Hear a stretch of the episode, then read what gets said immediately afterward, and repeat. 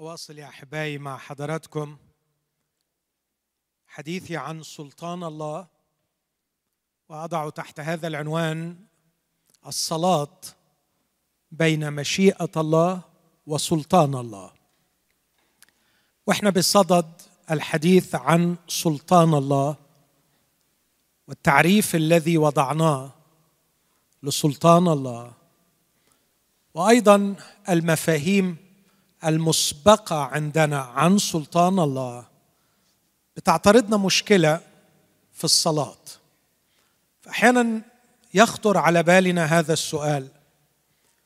إن كان الله يعلم كل شيء يرى كل شيء يستطيع كل شيء له سلطان على كل شيء فلماذا نصلي؟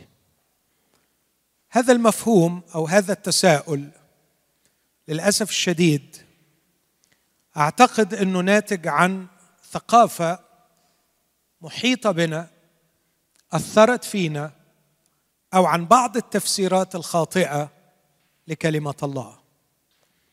أقصد بالثقافة المحيطة بنا الثقافة القدرية. فالله يقدر ويفعل ما يشاء ولا راد ولا مقاومة لما يقدره. وبالتالي تتعبش نفسك. هتصلي؟ مش هتصلي. الله هيعمل اللي هو عايزه. هتبشر؟ ما تبشرش. الله هيجيب اللي هو عايزه لأن الله يقدر ويفعل ما شاء وقدر. هذا المفهوم مع احترامي لكل من يقتنع به هو ليس بمفهوم مسيحي على الإطلاق. ولاحظوا أحبائي أن من لديه هذا المفهوم يرتبط معه مفهوم آخر خاطئ عن الصلاة. هوضح بعد شوية على قد ما أقدر مع إنه مش موضوعي حديث كامل عن الصلاة لكن بس من وجهة علاقتها بسلطان الله. لكن لو هوضح بعد شوية المفهوم الصحيح عن الصلاة هذا المفهوم المسيحي الصحيح عن الصلاة الذي سأوضحه يختلف تماما عن المفهوم اللي عند هؤلاء الأشخاص المقتنعين بالقدرية أو المقتنعين بلغة مسيحية بمفهوم القدرية. من جواهم رافضين القدرية كفلسفة كتعليم كعقيدة لكن الواقع العملي بتاعهم في ممارساتهم الحياتية إنه هتصلي ولا مش هتصلي مش فارقة لأنه في الآخر اللي بيحصل هو اللي ربنا عايزه. وبعدين مش معقول ابدا صلاتي هتغير حاجة ولا هتأثر في حاجة. وبعدين حتى لو كانت الصلاة بتغير فما أعتقدش إن صلاتي أنا. أنا كل عيوب وكل أخطاء وصلاتي ما بتطلعش فوق راسي. وبعدين أنا صليت علشان حاجات كتيرة والحاجات ما اتغيرتش فمسألة الصلاة دي غالبا ليها ناسها أو ليها مفهومها وأنا لا من ناسها ولا فاهم هي بتتعمل إزاي. حد عنده الأحاسيس دي أو عنده الأفكار دي أنا بشكر الشجاعة والجرأة.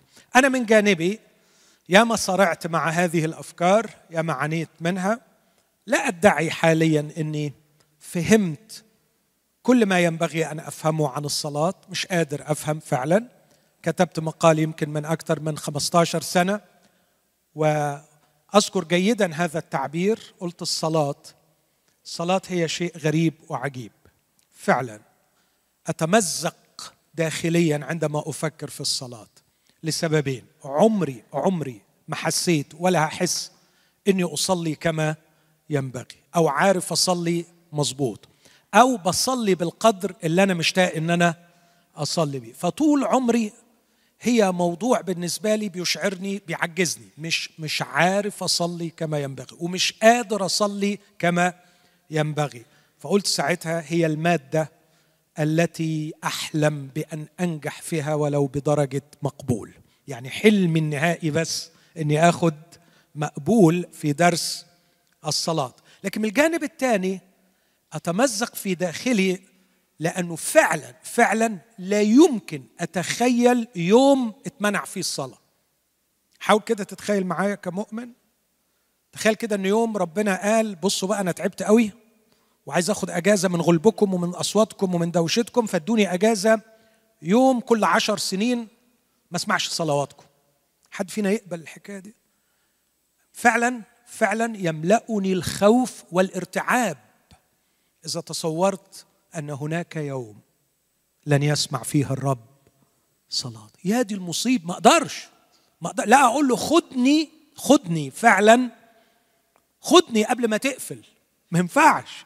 ما ينفعش أعيش يوم بدون صلاة. غريبة قوي لو قلت الكلمة دي الأول البعض يتصور ياه ده أنت راجل مصلي قوي بس الحمد لله أنا قلتها نمرة اتنين. أنا قلت من شوية إن أنا نفسي أنجح بدرجة مقبول في موضوع الصلاة. وأنا أعتقد أن ده شعور كل واحد فيكم.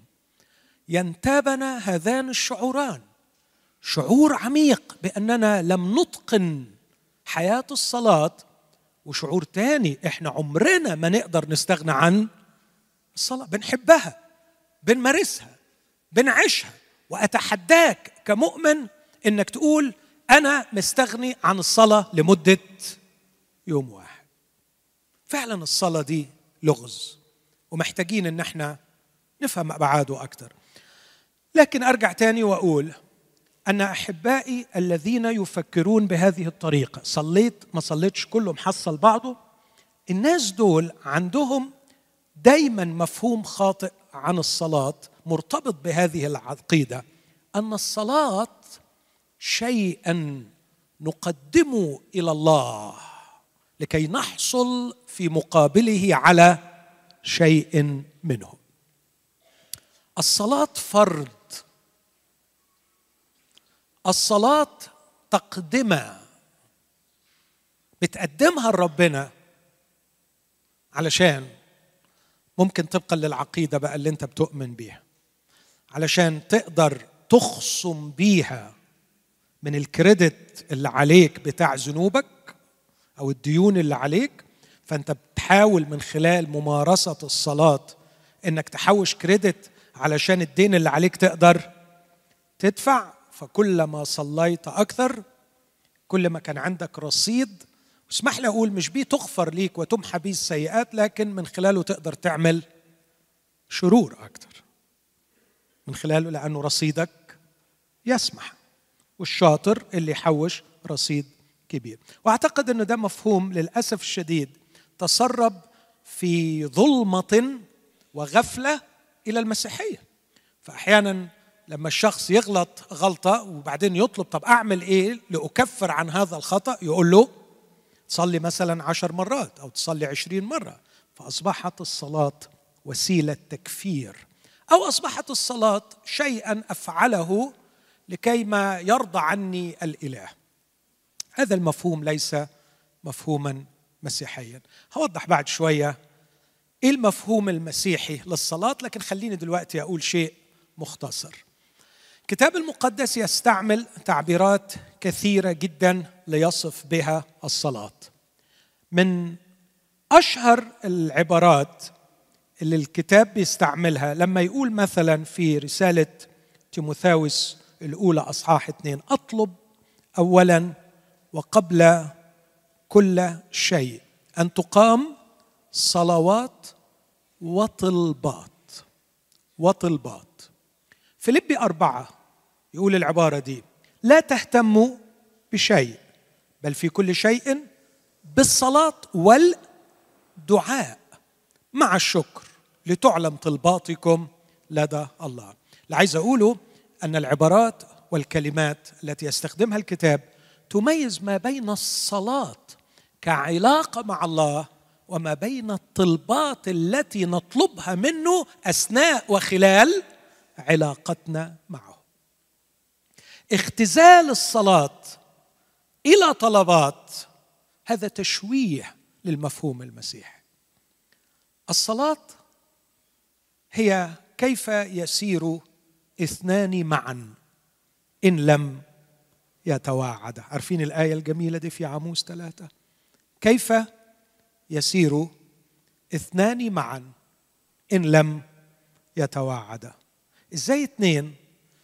هيقدروا يمشوا مع بعض ويكملوا مع بعض إذا ما كانوش يتفقوا مع بعض. يتواعدا يعملوا ميعاد ويتفقوا عليه. الصلاة هي حالة التوافق مع الله. الصلاة هي السير مع الله. الصلاة هي أني بصاحب الله بتعرف عليه بحاول أتوافق معاه بحاول أفهمه. لا مش بس بحاول أفهمه وأجتهد لأجعل نفسي مفهوما عنده معروفا عنده. أكشف له نفسي وأنتظره أن يكشف لي نفسه. هي رحلة هي حياة هي مصاحبة هي مواعدة هي حالة توافق مع الإله. وأكيد أكيد مش بتجاهل خلال هذه الحالة الجميلة من الصداقة والمصاحبة والمواعدة والاتفاق أكيد بطرح عليه طلبات. أكيد عندي طلبات. هو عايزني أطلب. وعلمني أطلب. وقال اسألوا تعطوا اطلبوا. تجدوا اقرعوا يفتح لكم لأن كل من يسأل يأخذ ومن يطلب يجد ومن يقرع يفتح له. لكن لاحظ أن تختزل الصلاة إلى دخول لإعطاء لستة لربنا أو إصدار أوامر لربنا أو إن أنا أملي لربنا المطلوب واخد بعضي وأمشي وأشوفك لما تستجيب. هذا أسلوب مقزز. سامحوني أستعمل التعبير ده. أسلوب مقزز ولا يليق لا يليق في التعامل مع الإله المعلن في شخص يسوع المسيح. إن كنت أبا فأين كرامتي؟ وإن كنت سيدا فأين هيبتي؟ أتخيل الصلاة كان الرب يسوع يعلمنا دائما أننا ندخل إلى مخدعنا ونغلق بابنا ونصلي إلى أبينا. إنه لقاء ابن مع أبيه. أنا رايح لأبويا. رايح أحكي مع أستمتع بالحب أستمتع بالدفء أستمتع بالشركة أستمتع بالاستنارة أستمتع بالنصح أستمتع بالإرشاد أستمتع بالتوبيخ أستمتع بالعتاب أستمتع بإني أقول له اللي أنا بعك فيه واقول له اللي أنا محتار فيه واقول له اللي أنا محتاجه بستمتع. وفي هذا الجو من الصداقة أقول له أنا محتاج كذا وكذا. أو مش بس أنا محتاج فلان محتاج والبلد محتاجة. وأنا من وجهة نظري إنك يا بابا لازم تعمل كده ولازم الموضوع ده يمشي بالطريقة دي. وأوجه صلاتي نحوه وأنتظر وأنتظر. الصلاة أعمق وأرقى من أن تكون مجرد إصدار أوامر لله أو مجرد سرد طلبات أمام الله. من لا يستشعر دفء العلاقه مع الله. من لا يستشعر هذه الحميمية هذا الانتماء انتماء الابن لأبيه أنا أنصحه أن لا يصلي. لأنه في الحقيقة صلاتك ما هياش الصلاة المسيحية. لكن على فكرة أنبياء البعل كانوا بيصلوا. وكانوا بيصلوا أكثر منك. وكانوا بيمزقوا أنفسهم وهم يصلوا. وكانوا يعلوا أصواتهم ويطلبون طلبات. فمش حكاية إنك عمال تطلب وتملي أوامر معناها إنك بتصلي. الصلاة في المفهوم المسيحي سير اثنان معا أحبه كأبي وأستمتع بأبوته. وفي أثناء سيرنا وتوافقنا وانسجامنا أعرض عليه طلباتي واحتياجاتي. لكن أرجع تاني وأقول لماذا نصلي إن كان كل شيء تحت سلطان الله؟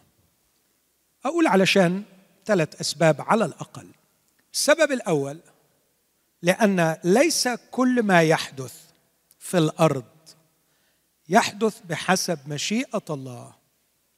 ولأن كل ما يحدث هو تحت سلطان الله يتحتم علينا أن نصلي. لو كانت كل حاجة ماشية صح على الأرض وكل شيء ماشي بحسب مشيئة الله أعتقد إنه لا داعي للصلاة. صلي لي. صلي لي لو كان كل حاجة بحسب مشيئة الله. لكن أكبر دافع لي أن أصرخ إلى الله وأصلي. هو أن أشياء كثيرة تحدث مني وتحدث في عائلتي وتحدث من حولي وتحدث مع إخوتي وتحدث في بلدي تحدث ليس بحسب مشيئة الله. هذا ما يجعلني أمتلئ بالوجع وبالغيظ وهذا ما يحفزني أن أصرخ إلى الله لكي يجعل الأشياء التي ليست بحسب مشيئته تتغير ولكي نغير هذا الواقع ولكي ما يتدخل الله لكي ما يوقف ما لا يحدث بحسب مشيئته. ليس لأن كل شيء تحت سلطان الله لا نصلي بل بالعكس. لأن كل شيء تحت سلطان الله.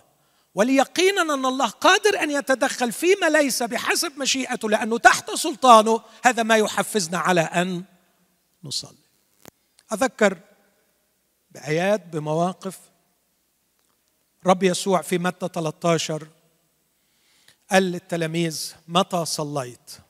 ادخل مخدعك اغلق بابك. وبعدين قال لا تكونوا كالأمم الذين يكررون الكلام باطلا. الذين يظنون أنه بكثرة كلامهم يستجاب لهم. بعدين يقول لكن أنتم أبوكم السماوي يعلم احتياجكم قبل أن تسألوا.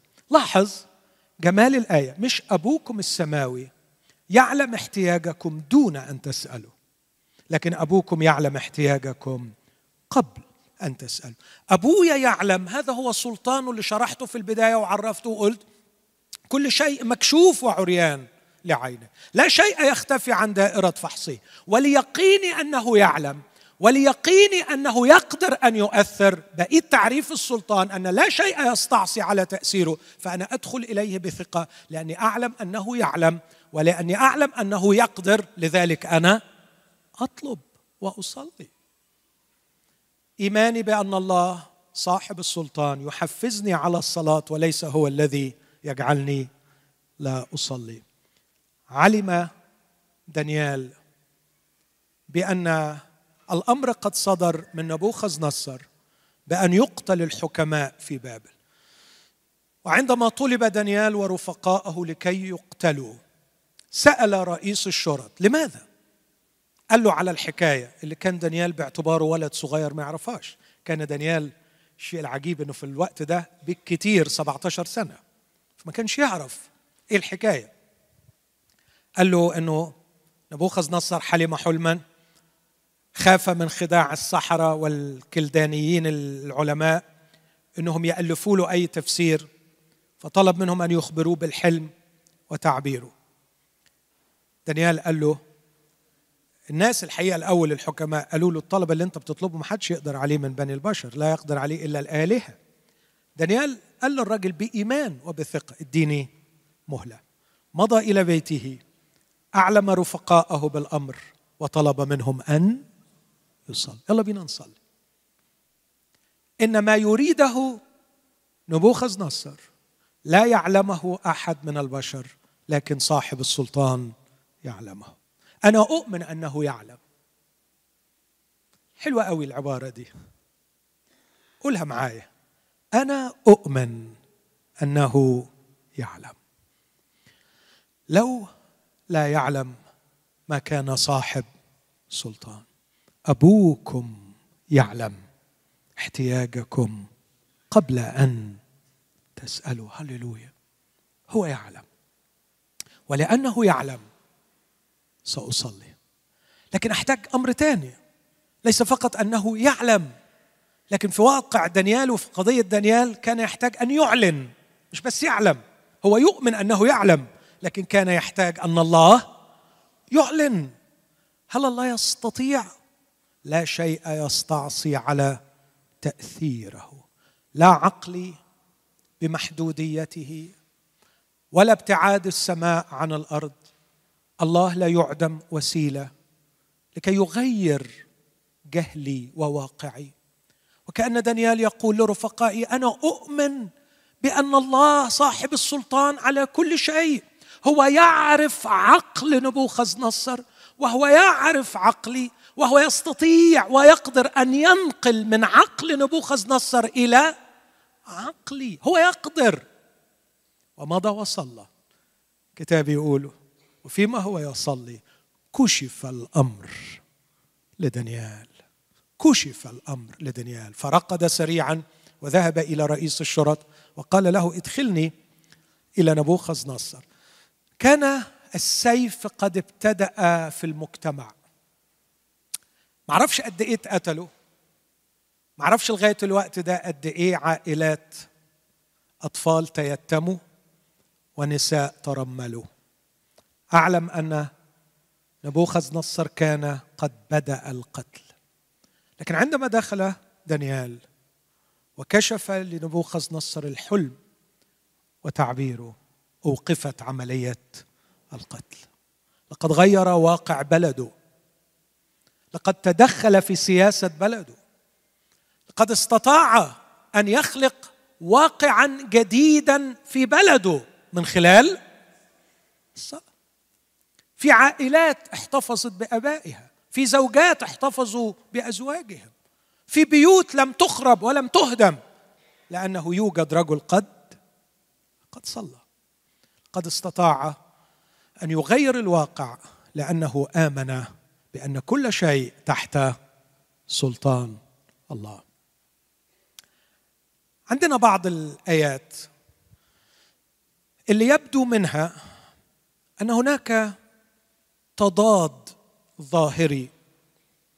بين المفهوم اللي أنا قلته وشرحته عن سلطان الله وأن كل شيء تحت سلطان الله وبين الآيات دي اللي أحيانا تصور وبالتالي التصور الخاطئ بتاعها يخلينا ما نصليش إنه كله بأمره. كله بأمره. تسمعوا الكلمة دي؟ كله بأمره. ما هو ما فيش حاجة يعني ربنا مش عايزها لا لا في حاجات كتير قوي ربنا مش عايزها بس الكتاب بيقول في مزمور 113 أو 115 الرب إلهنا في السماء كلما شاء صنع. صح. صح. بس نفس الكتاب المقدس بيقول عن الناس الأشرار في تكوين 11 اسمع العبارة دي. لا يمتنع عليهم كل ما ينوون أن يعملوه. حد فاكر الآية دي؟ حد فاكر جت بخصوص إيه؟ برج بابل برافو. كانوا بيبنوا البرج. هيعملوا تمرد على ربنا. عايزين يدرسوا حركة النجوم ويعبدوا الأوثان. وربنا شافهم هم بيعملوا وربنا بيقول التقرير ده لا يمتنع عليهم كل ما ينوون أن يفعلوه. يعني الناس لما بتشاء حاجة بيعملوها. حبيب قلبي أيوة الله بيشاء ويصنع ما يشاء بس الناس كمان بتشاء وبتصنع ما تشاء. لكي نوقف الشر ولكي ما يحقق الله ما يشاء هنشوف مع بعض إننا نحتاج إلى الصلاة. اللي مش مقتنع إن الصلاة ممكن توقف الشر ممكن أقعد أحكي معاه ساعات من الكتاب. وممكن كمان أوري لك إزاي إن مقاصد الله لا تتم لا يتمم الله ما يشاء بدون الصلاة. آية تاني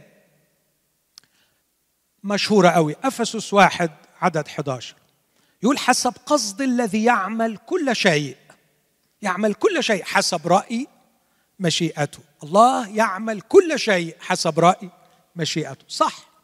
بس برضو خلي بالك اتكرر أكثر من مرة في سفر القضاة وفي غيره. كل واحد فعل ما يحسن في عينيه. نعم إن الله يعمل كل شيء حسب رأي مشيئته بس الناس برضو بتعمل حسب مرأى عينيها. هذه العبارات تؤكد أن هناك أشياء تجري على الأرض ليست بحسب مشيئة الله. إحنا محتاجين نميز ما بين ثلاث أنواع من مشيئة الله. أرجو ما ننساهمش. مشيئة الله تعني أحيانا كثيرة مقاصد الله.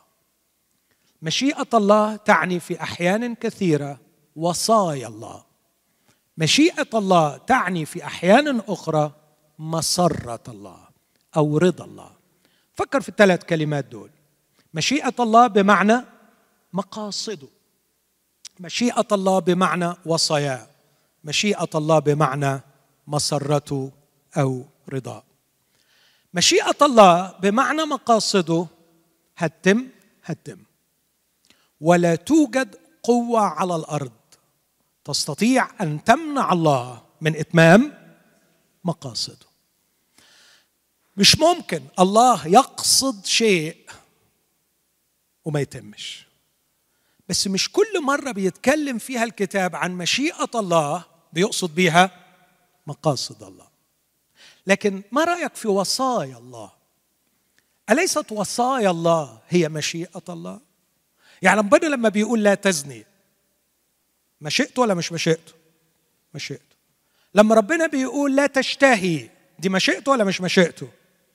لا تقتل دي مشيئته. بس دي حاصله بتتم؟ لا. يبقى مشيئة الله كوصاياه ليست دائما تتم. وإحنا ممكن نصارع من أجل إتمام وصايا الله. في المقاصد هنصلي في الوصايا هنصلي بس على الأقل نبقى فاهمين إنه في مشيئة لله ما بتتمش لما نكون فاهمين إن مشيئة الله هي وصايا الله. لكن حاجة ثالثه مشيئة الله هي ما يرجوه ما يسره. ما يرضيه. هل كل ما يرضي الله وما يسره دائما يتم؟ لا. مثلا رسول بيقول أنا بصلي للمؤمنين أن تمتلئوا من معرفة مشيئته. في كل حكمة كلوسي واحد الكلام ده عدد عشر. لتسلكوا في كل رضا. الله يريدنا أن نسلك في كل رضا. هل نحن نسلك في كل رضا باستمرار؟ نحن لا نتمم رضا الله. وبالتالي مشيئة الله لا تتم. بالنسبة للوصايا تسالونيك الأولى أربعة هذه هي إرادة الله. إيه حد فاكر؟ قداس هي دي إرادة الله. قداستكم هل كل المؤمنين يعيشوا حياة القداسة؟ كلا. يبقى أرجو وإحنا بنقرأ كلمة مشيئة الله نسأل أنفسنا هذا السؤال. هل يقصد المقاصد أم الوصايا أم المسرة؟ المقاصد بعضها معلن وبعضها غير معلن. وأعتقد أغلبها غير معلن. وتحتاج إلى شركة في الصلاة لكي يعلن الله لنا مقاصده. يكشف لنا أفكاره. يكشف لنا ما ينوي أن يعمله. سر الرب لخائفيه وعهده لتعليمه. إذا أدركنا أن لله مقاصد هذه المقاصد ليست دائما معلنة في صفحات الوحي. في سفر التثنية 29 وعدد 29 السرائر للرب إلهنا والمعلنات لنا. هناك معلنات لكن ليست كل مقاصد الله معلنة. أعتقد أن واحدة من أهم وظائف الصلاة أن ندخل في هذه الشركة مع الله التي تؤهلنا أن يعلن لنا الله مقاصده وافكاره أحبائي ادرسوا التاريخ. سواء التاريخ في الكتاب المقدس أو تاريخ المسيحي بصفة عامة. كل الرجال الذين عملوا شيئا غيروا شيئا كانت لهم شركة مع الله. كشف الله لهم قصدا كشف لهم رؤية. وأنا نفسي أنك يعني النهارده تبدأ تغيير شوية في العلاقة مع الله. قل له يا رب اكشف لي عن مقاصدك. اكشف لي عن قلبك في هذا الأمر. عرفني ماذا تقصد ماذا تريد ماذا تريد لي ماذا تريد لعائلتي ماذا تريد لبلدي ماذا تريد ما هو قصدك من جهتنا؟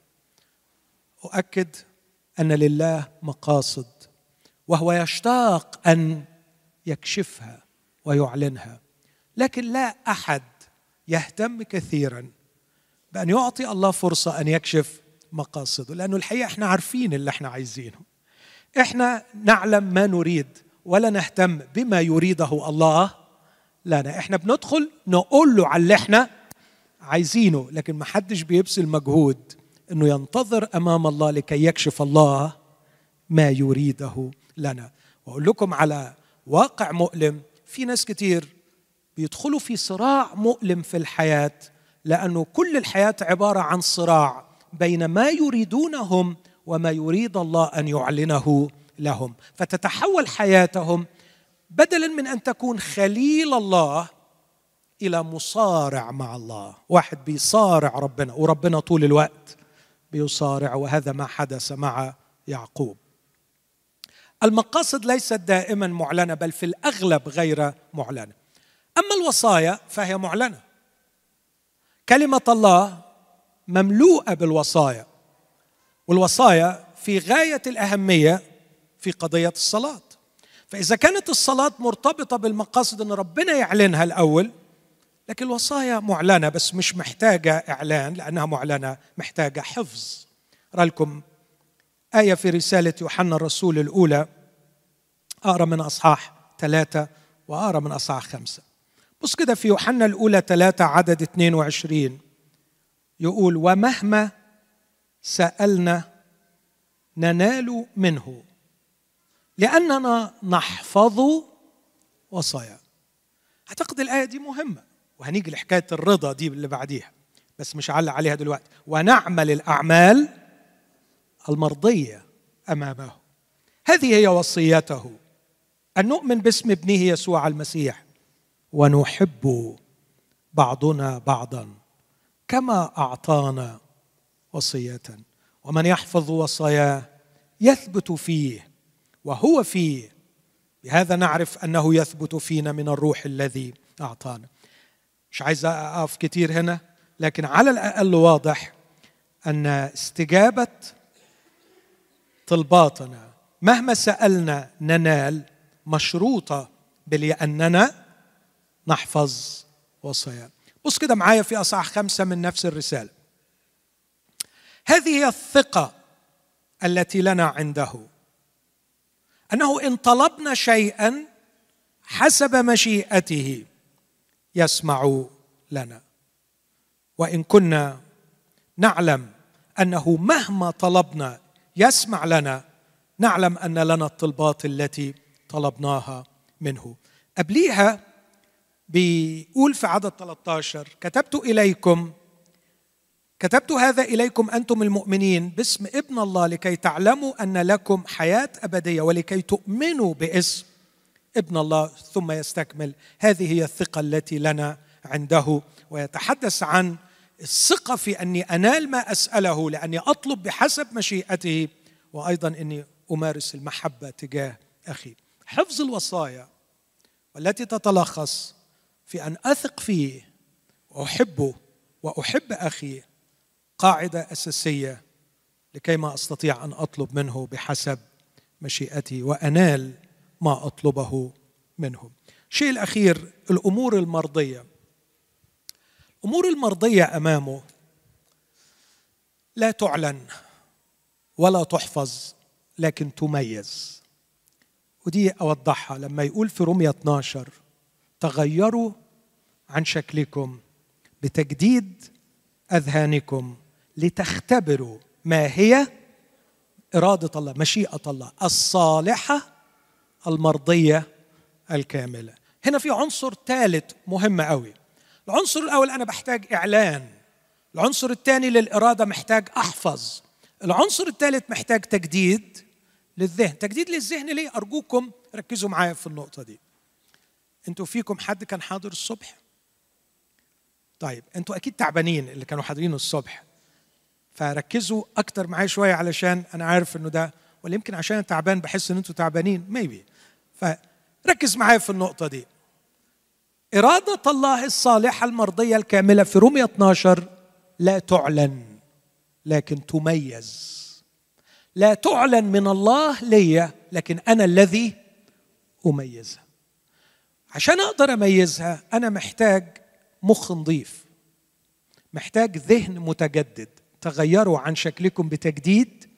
أذهانكم لتختبروا. كلمة تختبروا هنا الخطأ أنه في اللغة العربية بنفهمها يعني تختبر. اكسبيرينس يعني يعني تدوق يعني تختبر. لكن هي في الواقع في اليوناني وفي الإنجليزي لكي تمتحن. لكي تميز. هيبقى قدامك أكتر من شيء. فيهم شيء واحد هو المرضي للرب. لما يكون ذهنك متجدد هتقدر تميزه. ثلاث أمور مرتبطة بمشيئة الله. مقاصد ينبغي أن تكشف وتعلن. وصايا ينبغي أن تحفظ. إرادة ينبغي أن تميز. وعليه أنا أحتاج حالة روحية من الشركة مع الله عشان يكشف لي أسراره. ومحتاج إرادة أدربها علشان أحفظ وصاياه وأطيعه. ومحتاج كمان ذهن عمال يتجدد. عشان لما أقابل أخويا أعرف إيه اللي يتعمل وإيه اللي ما يتعملش. بيجي لي تليفونات أحيانا. يا ترى الوصية الكتابية أرد ولا ما أردش؟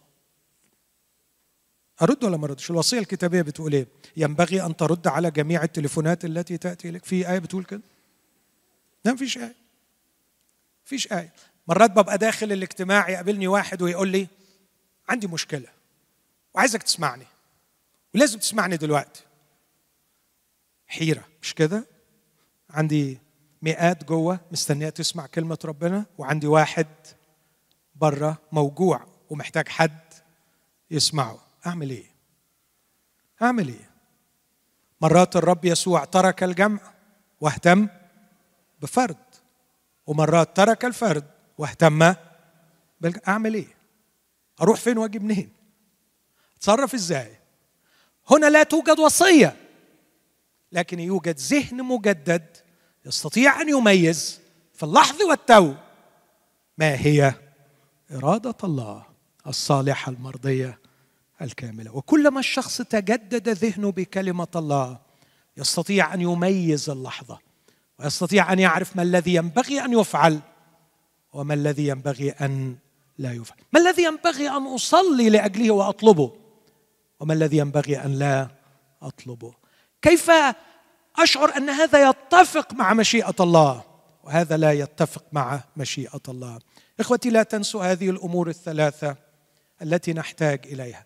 نحتاج إلى حالة روحية من مخافة الرب تقوى الرب محبة الرب عشان أقدر أستمتع بإعلان المقاصد. بإعلان المقاصد. سر الرب لخائفيه عرف موسى طرقه. بدون أن يكشف الله لك مقاصده. صعب إنك تصلي صلاة صحيحة. وصعب إنك تدخل إلى عالم الصلاة وتتعلم كيف تصلي. اهدى وخلي الغرض الأسمى لا أن تملي على الله ما تريد لكن أن يكشف لك الرب ما يريد. ويا بختك في يوم من الأيام وقف ببولس. بولس مش عارف بولس راح فيليبي. في أوروبا ويدوب يدوب وعظ وعظه دخل بعديها السجن. مش عارف. راح كورنثوس. الدنيا هاجت. مش عارف يقعد ولا ما يقعدش. لكن الرب يكشف له. تكلم ولا تسكت لأن لي شعبا كثيرا في هذه المدينة. صلاتي بلا هدى. صلاتي غير موجهة. صلاتي أحيانا تكون حرثا في البحر. إذا لم يكن هناك رؤية إذا لم يكن هناك مقاصد أعلنت إذا لم أكن عرفت ماذا قطعت في رحلتي مع الله وأين أنا الآن في رحلتي مع الله وما الذي يعمله الله الآن في حياتي وما الذي يريد الله أن يتممه في هذه المرحلة أعيش في شركة مع الله يكشف لي الله. مقاصده من خلالها. والأمر الثاني ينبغي أن أدرب إرادتي لكي أحفظ وصايا. إن حفظنا وصايا. ينبغي أن أحفظ وصايا. قال الرب يسوع إن أحبني أحد يحفظ وصاياي. ومن يحبني ويحفظ وصاياي أنا احبه وأظهر له ذات يجي كشف المقاصد. يجي ربنا يقول لك أنا عايز إيه؟ وعايزك نمشي مع بعض في إيه؟ بص يا رب حكاية أنت عايز إيه؟ ونمشي مع بعض في إيه؟ ده كلام خليه للجماعة خليه الاسيس سامح. خليه للأسس خليه للناس الكبيرة كده. لكن إحنا استهدى بالله كده يا رب واسمعني أقول لك أنا عايز إيه وتعمل لي اللي أنا عايزه عشان بصراحة كده أنا تعبان وعايز عايزك تعمل لي كذا وكذا وكذا. أنا أنصحك تشوف لك إله غير الإله الذي نعبده. الاله بتاعنا عايز أصدقاء يتبعوه ويحبوه وهو مشتاق أن يكشف لهم أفكاره. في يوم من الأيام كان له على الأرض خليلا واحدا اسمه إبراهيم. إبراهيم صلى بس لاحظ لاحظ قبل ما أحلى صلاة صلاها إبراهيم أحلى صلاة كانت في تكوين 18 لما وقف قدام ربنا يتشفع مش عشان سارة تجيب عيل لكن يتشفع علشان البلاد الشريرة سدوم وعمورة. بس قبل ما إبراهيم يقف يتشفع تفتكروا ربنا قال إيه؟ هل أخفي عن إبراهيم؟ ما تقولش عبدي إبراهيم ما ينفعش عبدي هنا. ده صاحب مع صاحبه. هل أخفي عن إبراهيم؟ ما أنا فاعله وهو يكون أمة عظيمه كشف الله مقاصد قلبه لخليله لحبيبه. فإبراهيم اكتسب الثقة إنه يعمل إيه؟ أه؟ يصلي في نفس الاتجاه. فابتدى يحاجج الرب وابتدى يتشفع أمام الرب. نحتاج إلى الشركة الروحية التي فيها تكشف المقاصد. نحتاج إلى الإرادة التي تصر على حفظ الوصايا. لكن أحتاج كمان إلى الذهن الذي يتجدد لكي أميز. ما ينبغي أن أصلي لاجله ما ينبغي أن أفعله وما لا ينبغي أن أفعله. أعتقد ده يكفي من جهة هذا الأمر. كيف لا تتعارض فكرة وحقيقة سلطان الله مع الصلاة؟ إذا لماذا نصلي على الرغم من أن كل شيء تحت سلطان الله؟ قلت لأنه كل شيء ليس بحسب مشيئة الله والمفروض نصلي علشان الأمور اللي بتحدث ليست بحسب مشيئة الله ولأننا نؤمن أن كل شيء تحت سلطان الله فينبغي أن نصلي لكي يحقق الله مشيئته يتمم الله مقاصده لكي تحفظ وصايا الله ولكي تعلن الأعمال المرضية أمام الله ونستطيع أن ننفذها. لكن أمر ثاني أضيفه لأن الصلاة في الحقيقة هي وسيلة تحقيق مقاصد الله. فكر معايا في الفكرة دي. الله الذي حدد المقاصد حدد الوسائل. وقد تكون المقاصد أشياء عظيمة وقد تكون الوسيلة الوحيدة هي الصلاة. ربنا محدد هو عايز إيه. آه صح. ولازم هيتممه لأنه هو حدده. صح. خلاص بقى. ما دام ده من المقاصد وهتتم هتتم زي ما أنت قلت يبقى مفيش داعي إن إحنا نصلي. لا استناني الله يطول عمرك لحظة. الله اللي حدد القصد النهائي حدد الوسيلة التي تحقق هذا القصد. وهذه الوسيلة هي الصلاة. ما تقدرش تقول مش هصلي لأنه ده قصد الله وهيتم خليني أقرأ لك حاجة توضح الفكرة دي. بص معايا في سفر الأعمال أصحاح 27 في حادثة سفينة السفينة المتجهة إلى روما التي كان يستقلها الرسول بولس في أعمال 27 وعدد 21 يقول فلما حصل صوم كثير حينئذ وقف بولس في وسطهم وقال كان ينبغي أيها الرجال أن تذعنوا لي ولا تقلعوا من كريت فتسلموا من هذا الضرر والخسارة. كان هذا الرجل يمتلك فكر الله لكن ما حدش سمعه. والآن أنذركم أن تصروا لأنه لا تكون خسارة نفس واحدة منكم إلا السفينة. ياه! في بحر هايج والدنيا مقلوبة وأيام كتيرة لا شايفين شمس ولا قمر ولا نجوم وانتزع كل رجاء في نجاتنا. قايم تقول لنا ما فيش نفس واحدة هتضيع؟ منين جبت الكلام ده؟ عدد 24 23 لأنه وقف بي هذه الليلة ملاك الإله الذي أنا له والذي أعبده قائلا لا تخف يا بولس ينبغي لك أن تقف أمام قيصر وهو ذا قد وهبك الله جميع المسافرين معك. لذلك سروا أيها الرجال لاني اؤمن بالله أنه يكون هكذا كما قيل لي ولكن لابد أن نقع على جزيرة. قصة معروفة فيش داعي أعلق عليها لكن أنا منبهر بحجم الثقة اللي موجودة عند بولس وهو متيقن إنه على الرغم من الضلمة دي كلها ما فيش نفس واحدة هتهلك لأن ربنا قال لي. كمل معايا القصة في عدد 29 وإذ كانوا يخافون أن يقعوا على مواضع صعبة رموا من المؤخر أربع مراس وكانوا يطلبون أن يصير النهار.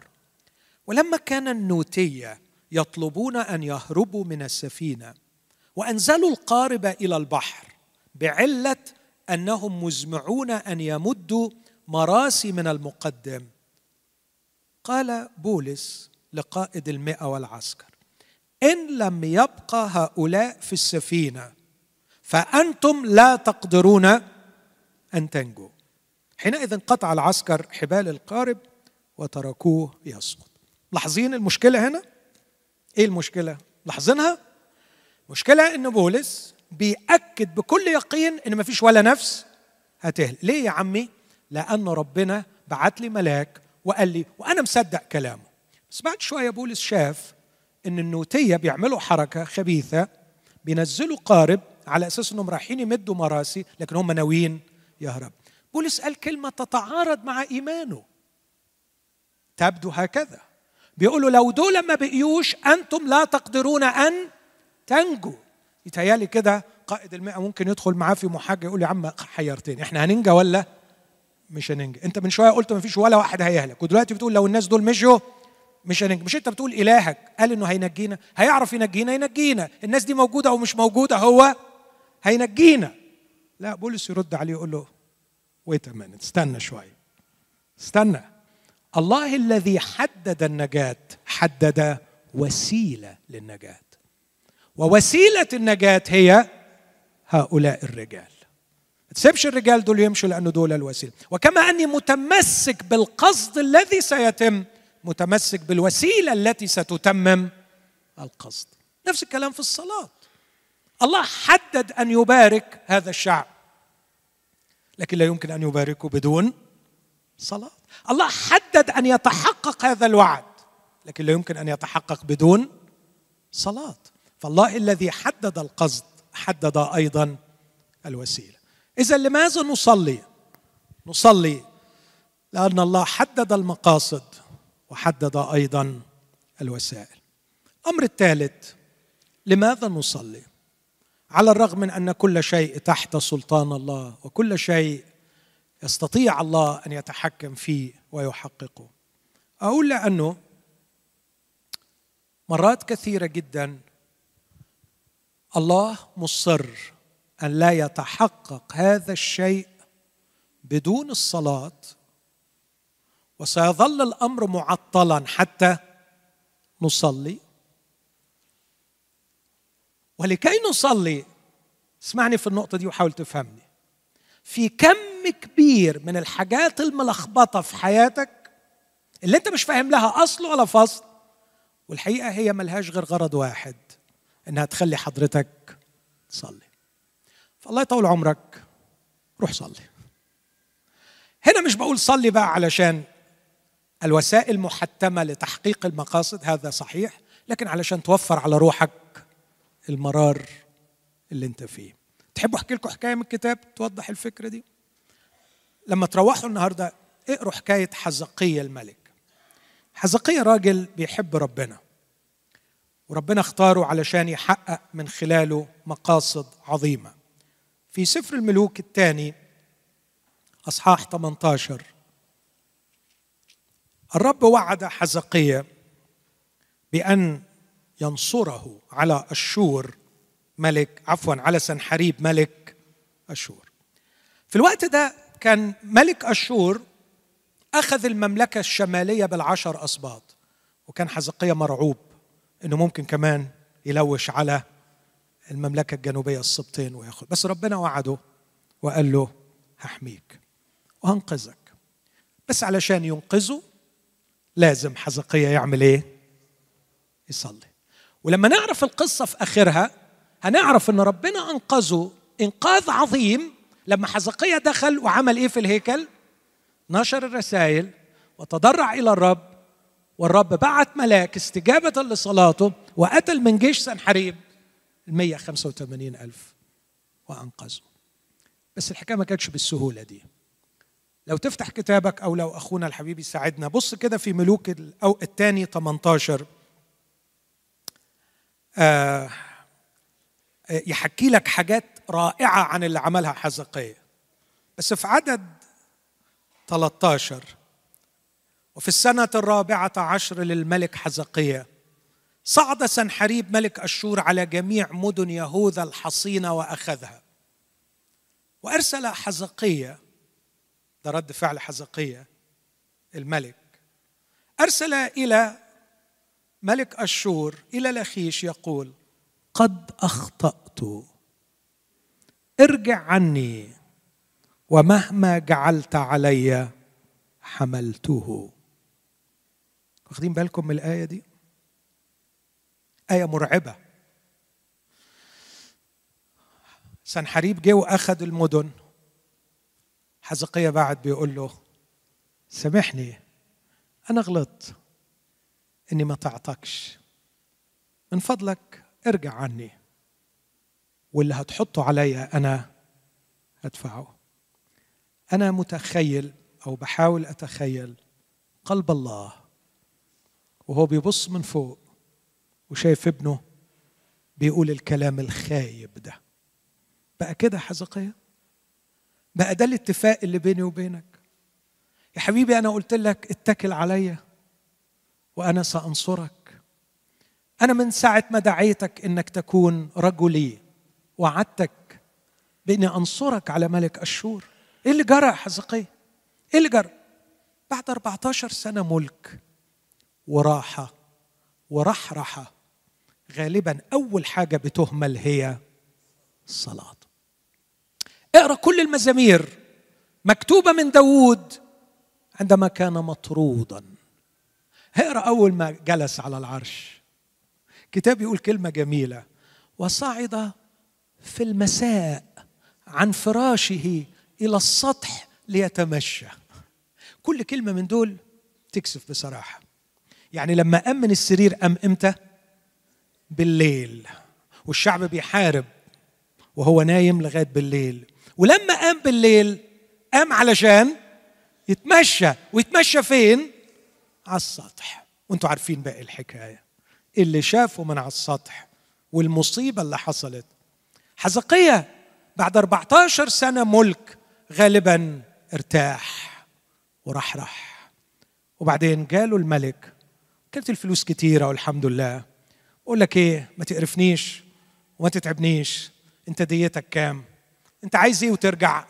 قول لي عايز كام؟ ومهما جعلت عليا أعطيك. وحل المشكلة بالفلوس.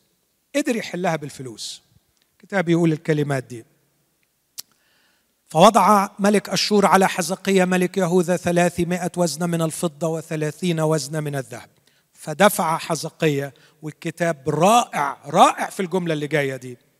دفع حزقية جميع الفضة الموجودة فين؟ مش في بيته. في بيت الرب. وكأنه عايز يقول أول شيء بيجور عليه هو بيت الرب. وفي خزائن بيت الملك بيت الرب وبعدين خزائن بيت الملك.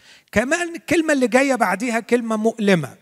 في ذلك الزمان قشر حزقية الذهب عن أبواب هيكل الرب والدعائم التي كان قد غشاها حزقية ملك يهوذا ودفعه لملك أشور. الخزي والعار. خد ملك أشور كل الفلوس وبعد ما خد الفلوس في عدد 17 أرسل ملك أشور ترتان وربساريس وربشاقي من لخيش إلى الملك حزقية بجيش عظيم إلى أورشليم. فصعدوا وأتوا إلى أورشليم ولما صعدوا جاءوا ووقفوا عند قناة ودعوا الملك عشان الاختصار للوقت في عدد 19 فقال لهم ربشاقي قولوا لحزقية هكذا يقول الملك العظيم ملك أشور ما الاتكال الذي اتكلت؟ قلت إنما كلام الشفتين هو مشورة وبأس للحرب والآن على من اتكلت حتى عصيت علي. يعني خد الفلوس ورجع تاني علشان يقرفه. سمع حزقية الرسالة المرعبة وتعب منها. بس بص معايا في أصحاح 19 فلما سمع الملك حزقية ذلك مزق ثيابه. وتغطى بمسح ودخل بيت الرب. أنا يتهيألي كده بشوف الحاجات دي وقلبي بيدق بسرعة وبقول الحمد لله الحمد لله الحمد لله. حزقية هيعمل إيه؟ هيصلي أهو. خلاص. حزقية اتعالج حزقية خف حزقية فاق حزقية هيرجع هيصلي. دخل بيت الرب. بس أول ما دخل بيت الرب أرسل اليقيم الذي على البيت وشبنا وشيوخ الكهنة متغطين بمسح إلى إشعياء. فقالوا له هكذا يقول حزقية هذا اليوم يوم شدة وتأديب وإهانة لأن الأجنة قد دنت إلى المولد ولا قوة للولادة.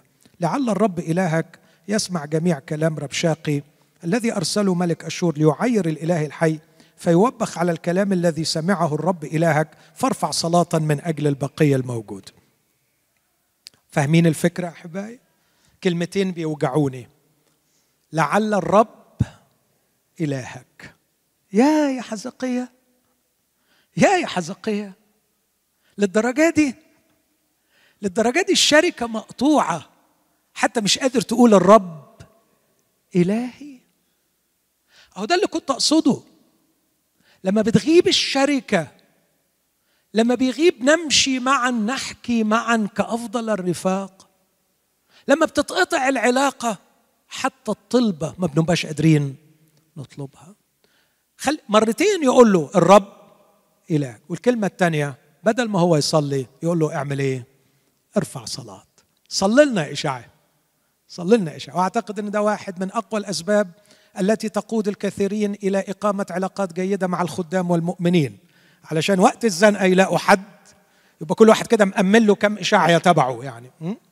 ده ده كويس ده, ده بيصلي كويس ده. الأخت دي بتصلي كويس اعزمها كده كم عزومة وأمن نفسك يبقى عندك كم أخت من هنا وكم أخ من هنا ويبقى عندك عصابة محترمة علشان لما تتزنق ما بينفعش. ما بينفعش. ومش هو ده الغرض. مش هو ده الغرض. دي خيابة. ده واحد ساقط وبيسقط في الملحق. عيب. القضية أرقى من كده. أنا عمال أضيق يا حزقية علشان يا حبيبي. عايز أشوفك. أنا مشتاق عليك. أنا عايزك ترجع لي. أنا مش عايز العرش ياخدك مني. أنا مش عايز ال business ياخدك مني. حبيبي ال business ده أنا اللي مديهولك وأنا اللي عاملهولك. والخدمة دي يا حبيبي أنا اللي حاططها عليك. مش عايز خدمة تاخدك مني. مش عايز شغل ياخدك مني. حبيبي أنا مش بقول لك الشغل وحش ولا الخدمه هنعمل الشغل مع بعض. هنعمل الخدمه مع بعض هنروح مع بعض. ليه يا حبيبي؟ تمشي بدماغك وتنفصل عني. ليه يا ابني؟ ليه عشان اديتك شوية فلوس تخلص بيهم مصالحك وتنساني؟ ليه يا حبيبي تلجأ للمؤمنين وتقول لهم صلوا لي وما تورينيش وشك؟ طب بص يا حزقية بقى عشان غالي عليا قوي أنا أخليك تصلي. أنا أخليك تصلي. وهتصلي يعني هتصلي يا حزقية.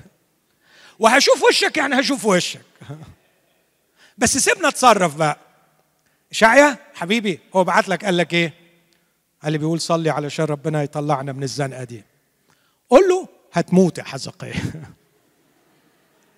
روح قول له هتموت يا حزقية. وإشعيا خد بعضه وراح له. وقال له عندي خبر مش لطيف يا جلالة الملك. حضرتك عندك كم سنة؟ قال له 39 قال له للأسف الشديد ربنا بيقول أوصي بيتك لأنك تموت. واو. واو كانت توجع قوي دي. بس تعرف أول ما جاله الخبر إنه هيموت كم وزنة ترجع الموضوع ده؟ لا فلوس تنفع ولا إشاعة ينفع. لكن يقول الكتاب وجه وجهه نحو الحائط وبكى. وقال له أذكر كيف سرت أمامك بالأمانة وبقلب سليم وفعلت الحسن في عينيك. يا! ابتدى يرجع يفتكر حلاوة صاحبه وإن صاحبه ما بينساش الحلوة لما الواحد يعمل الوحشة. أنت أكيد فاكر لي اللي فات. أنا عشت معاك أيام جميلة. أنت شهدت عنها وقلت في كتابك لم يكن مثله. لا قبله ولا بعده على الرب إله اباء أتكل. أنا خنت وخبت وتعبت وخرت وسقطت. لكن أنت حافظ العهد والإحسان. وما تنساش ابدا إني كنت بخدمك وبحبك وصاحبك. اشفيني رجعني تاني. كان لسه إشاعية يا دوب بلغوا الرسالة ومشي. ما كانش وصل لوسط المدينة وطبعا المدن دي صغيرة. يجي الصوت لإشاعية إشاعية ارجع بسرعة. ارجع بسرعة. عايز إيه يا رب؟ روح قول له هيشفيك. إيه الحكاية دي؟ هو شغل لعب عيال؟ أنت مش لسه قايل لي يقول له هيموت؟ طب حتى منظري يبقى وحش قدامه. يعني أقول له يموت وبعد ربع ساعة ولا نص ساعة. هو إيه اللي حصل في النص ساعة دي؟ حصل. اسكت يا اشاعي أنت ما تعرفش. حصل اللي أنا بتمناه. حصل اللي أنا مستنيه. حزقية بيصلي يا إشاعية. الحق. حزقية صلى أخيرا. وهو ده اللي أنا كنت مستنيه. أنا مش عايز أذله. أنا مش عايز أتعبه. أنا مش عايز أغلس عليه. أنا عايزه يصلي وهو صلى. خلاص. روح قول له هتحيا. وهمد عمرك 15 سنة. اللي يقرأ الكتاب بصورة دقيقة يعرف أن حادثة مرض حزقية وشفاؤه تمت قبل المرحلة الأخيرة والموقعة الأخيرة مع سنحريب. بعد ما خف وكتب الترنيمة الحلوة العظيمة هو ذا للسلامه قد تحولت لي المرارة وأنت تعلقت بنفسي من وهدة الهلاك وطرحت وراء ظهرك جميع خطايا. تخيل بيقول له كده. بيقول له أنت شفتني فتشفين خلينا أقرأها لكم من سفر إشعيا أصحاح 38 اقرأ الصلوة الجميلة اللي بعد ما بكى وبعد ما ربنا قال له هتخف وهزود لعمرك 15 سنة دخل وكتب هذه الكلمات وتغنى بها. وأنا أعتقد إنه مليانة بالحكمة التي نحتاج إليها. في 38 من إشعياء يقول هذه الكلمات. عدد تسعة. كتابة لحزقية ملك يهوذا إذ مرض وشفي من مرضه بيقول إيه؟ اسمع. أنا قلت في عز أيامي أذهب إلى أبواب الهاوية. قد أعدمت بقية سني قلت لا أرى الرب. الرب في أرض الأحياء. لا أنظر إنسانا بعد مع سكان الفن كل المشاعر دي جات له في عشر دقائق لما قال له هتموت. عدد 12 مسكني قد انقلع. وانتقل عني كخيمة الراعي. لففت كالحائك حياتي من النول يقطعني. النهار والليل قعد يوصف الألم اللي, اللي ملا. يعني لغاية ما قال في عدد 15 أو 14 يا رب قد تضايقت كن لي ضامنا. بماذا أتكلم؟ فإنه قال لي وهو قد فعل. أتمشى متمهلا. كل سني كل سنية من أجل مرارة نفسي يعني الأيام اللي جاية همشي على مهلي. أمشي مع مين؟ معاه على مهلي. أيها السيد بهذه يحيون وبها كل حياة روحي فتشفيني وتحييني. هو ذا للسلامة قد تحولت لي المرارة. وانت تعلقت بنفسي من وهده الهلاك فإنك طرحت وراء ظهرك كل خطاياي. أنا لا أنسى ابدا أثر هذه الآية على حياتي. عدد 16 بهذه يحيون وبها كل حياة روحي فتشفيني وتحين نفسي حد شاطر يجاوبني عن هذا السؤال. بهذه يحيون. اسم الإشارة هذه على ماذا يعود؟ بهذه يحيون. بهذه يحيون وبها كل حياة روح الصلاة. بهذه يحيون وبها كل حياة روحي. روحك ناشفة روحك ميتة. لأنه ما فيش لأنه الراجل اللي اختبر بيقول بهذه يحيون المشكلة أحبها إيه؟ مش إن ربنا متأخر في طلبة؟ المشكلة إن حضرتك ميت ميت. روحك ميتة روحك جافه لأنك تحولت إلى آلة إصدار أوامر وإملاء طلبات على الله بدل ما تكون روح حية مع الله. أمشي متمهلا. معك أيها السيد. عشان أسمعك. عشان أحكي لك عشان أحبك وأستقبل حبك نمشي مع بعض ونحكي مع بعض. وأثناء الحكاوي والرحلة الجميلة عندي طلبات. أيوه عندي طلبات من جهة صحتي ومن جهة أولادي ومن جهة ظروفي ومن جهة بلدي. أكيد هقولها لك أكيد هتيجي أكيد. وأنا هحكي لمين غيرك؟ ما أنت حبيبي وصاحبي وإحنا عايشين مع بعض. لازم هقول لك طبعا. بس مش ما بصطبحش بوشك إلا اسمع لك شوية الطلبات وبعد ما كرهم ما يشوفش وشي حتى لقاء آخر لا يختلف عن ما قبله في إني أسمع له لستة الأوامر والطلبات. كم قلبه حزين.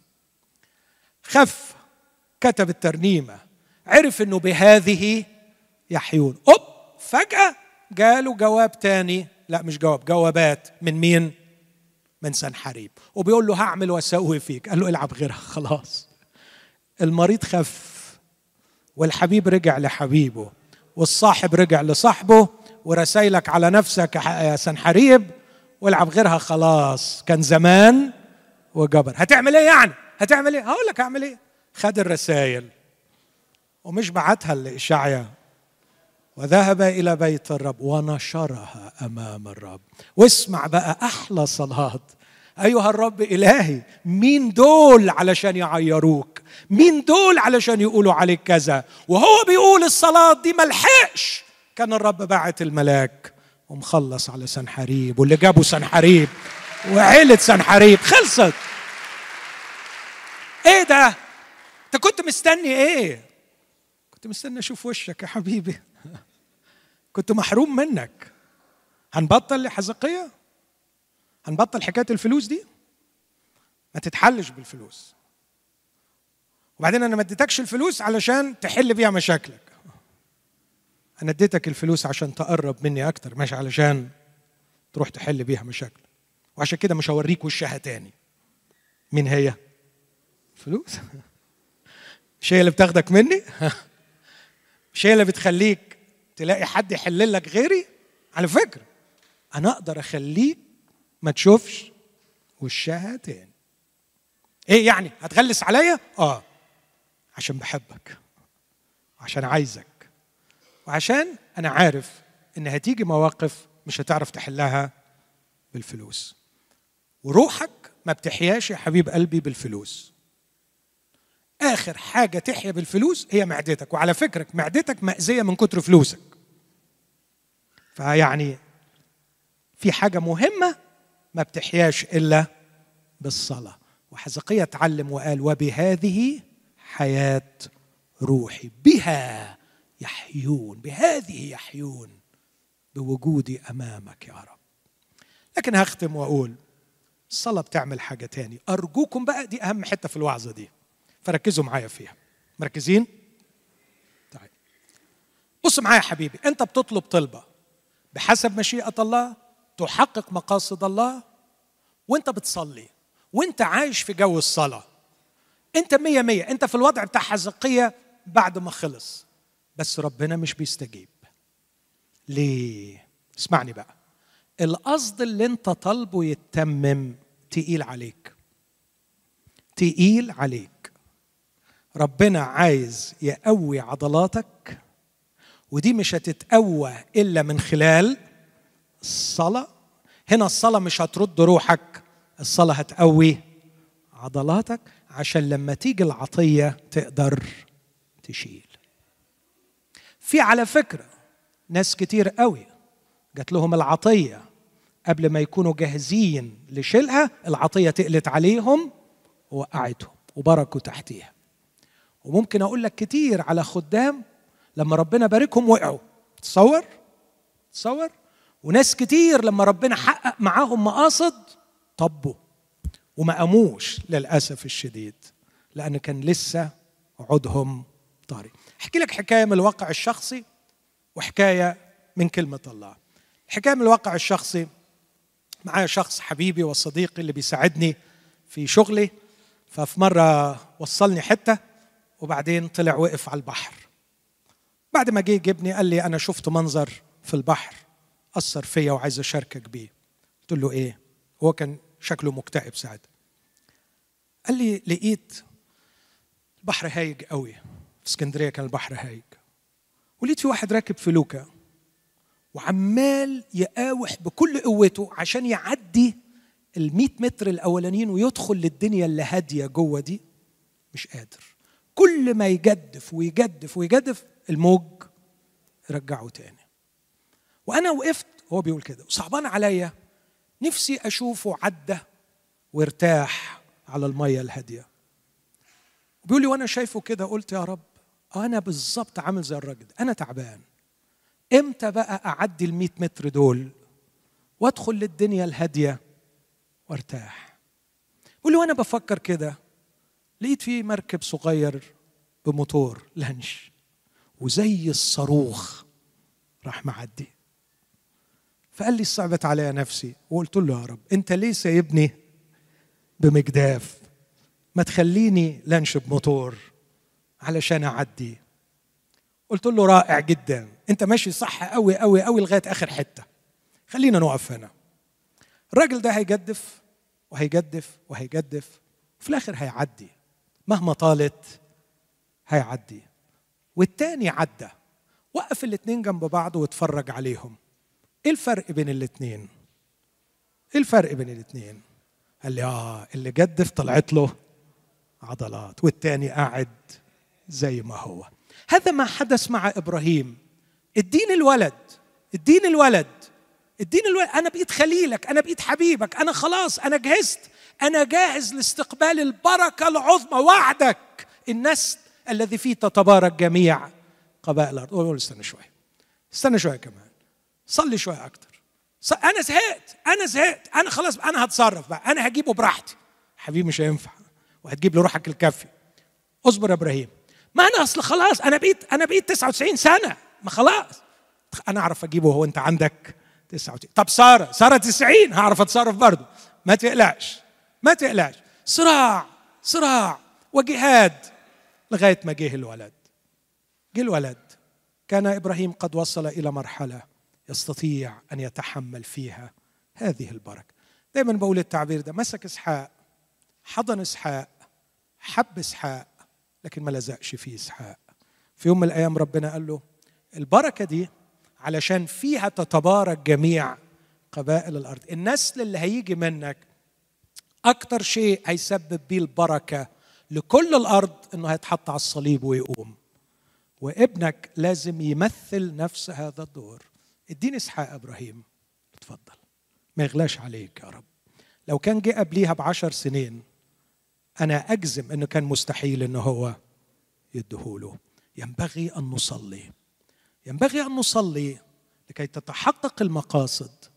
ينبغي أن نصلي لكي نستطيع أن نتحمل ثقل المقاصد عندما تتحقق. ينبغي أن نصلي لأن كل شيء في هذا العالم لا يجري بحسب مشيئة الله لكن كل شيء تحت سلطان الله. وبما أننا على علاقة بالله نستطيع أن نجعل يد الله تعمل وتحقق مشيئته. وبما أننا أحبائي نعرف أن الله سيستخدمنا كوسائل لتحقيق المقاصد. علينا أن نكون جاهزين لهذه المقاصد. ومستعدين لتحملها. ولا تنسوا أن الله الذي حدد المقاصد حدد أيضا الوسائل والوسيلة لإتمام المقاصد هي الصلاة. فلا عذر لنا إن كنا لا نصلي. قوموا بنا نصلي ونرنم ونسبح ونطلب من الرب أن تكون هذه الكلمات سبب تغيير وتجديد في حياتنا.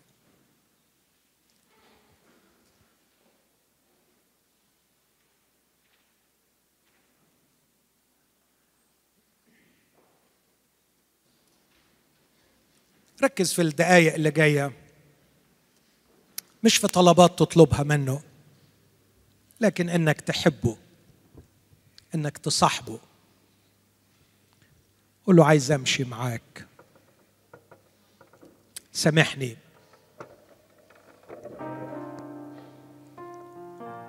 عايز أصاحبك. عايز أحس بيك. عايز أفهمك. عايز أقرب منك للدرجة اللي فيها تعلن لي فكرك. عايز أبقى رجلك اللي ممكن تكشف له سرك. قولي له أريد يا رب أن أكون المرأة العظيمة التي تعرف أفكارك. وتطالبك أن تحقق من خلالها المقاصد. لله مشيئة. لله مشيئة في عيلتك لله مشيئة في بلدك. صدقني. لله مشيئة النهارده الجمعة والأسبوع ده والسنة دي. لله مشيئة. والمشيئة مش هتتم. المشيئه الصالحه مش هتتم إلا من خلال الوسائل. الايجنت أنا وأنت. لما نصلي لما نصلي لما نطلب. وهذه هي الثقة التي لنا عنده إن طلبنا شيئا حسب مشيئته. يسمع لنا. قل له هبقى رجلك رجلك قولي له هبقى.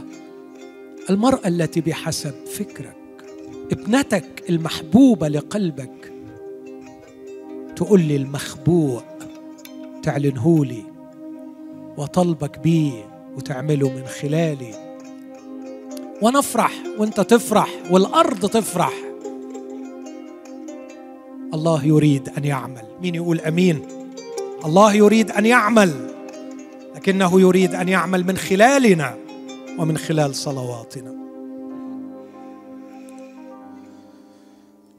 أفكارك عجيبة عن فكري بعيدة لكن بإيماني مصدق فيها. وسط الأوجاع وفي الأتعاب اديني نور ونصرة تفتح أبواب. أفكارك عجيبة.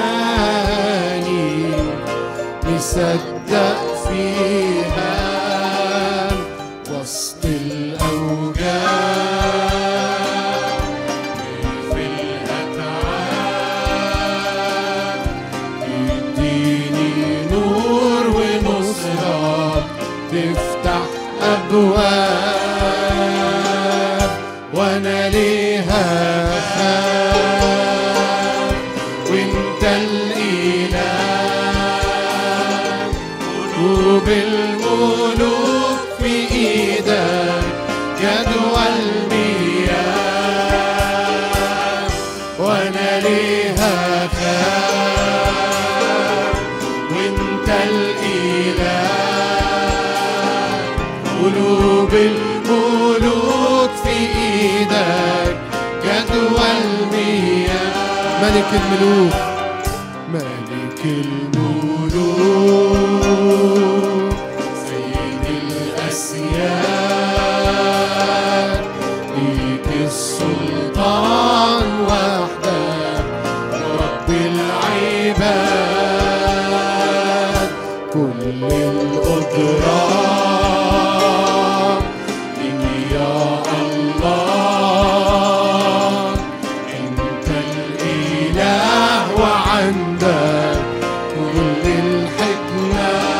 ملك الملوك.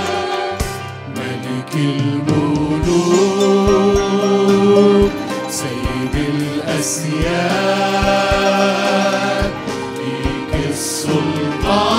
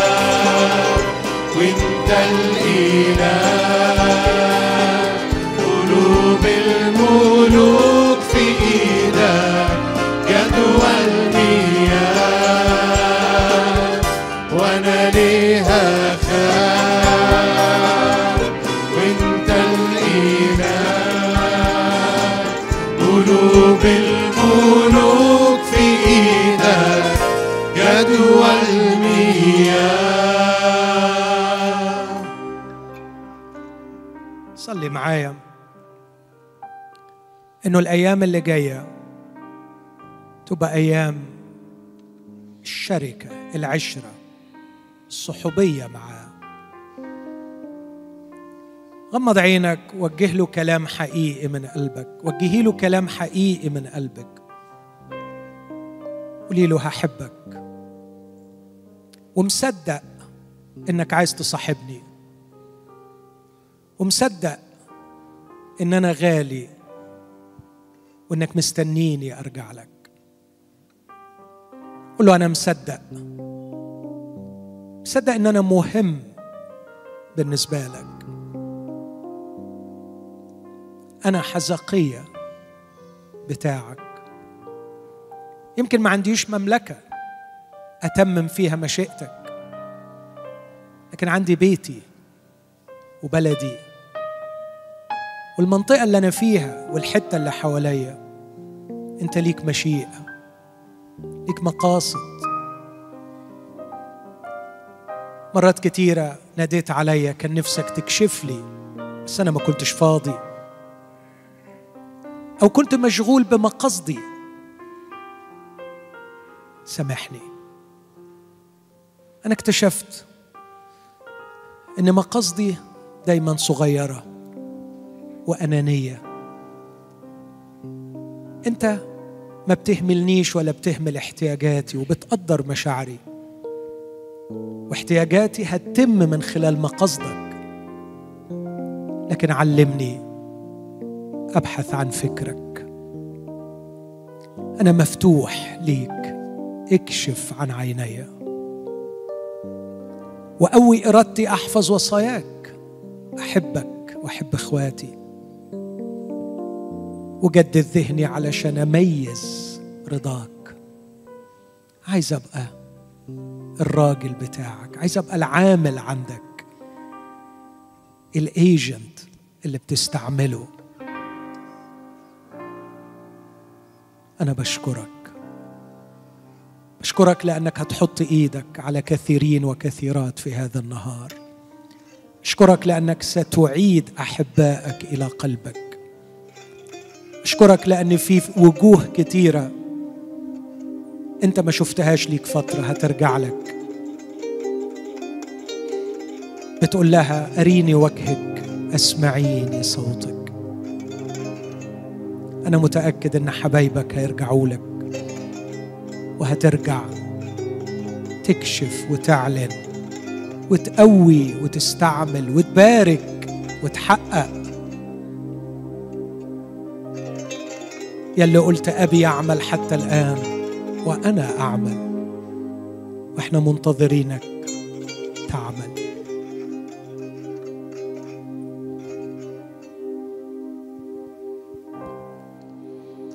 إلهي صخر الدهور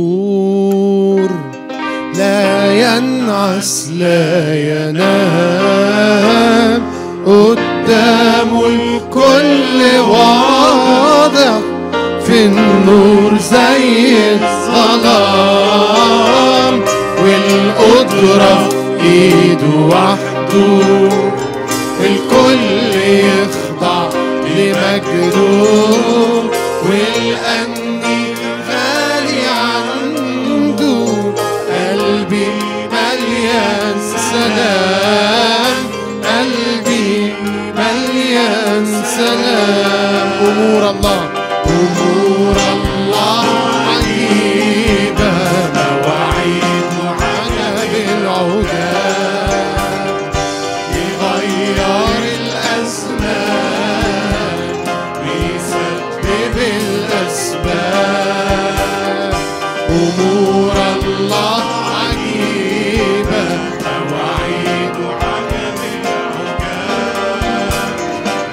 يغير الأزمان. ويسبب الأسباب إذا عداني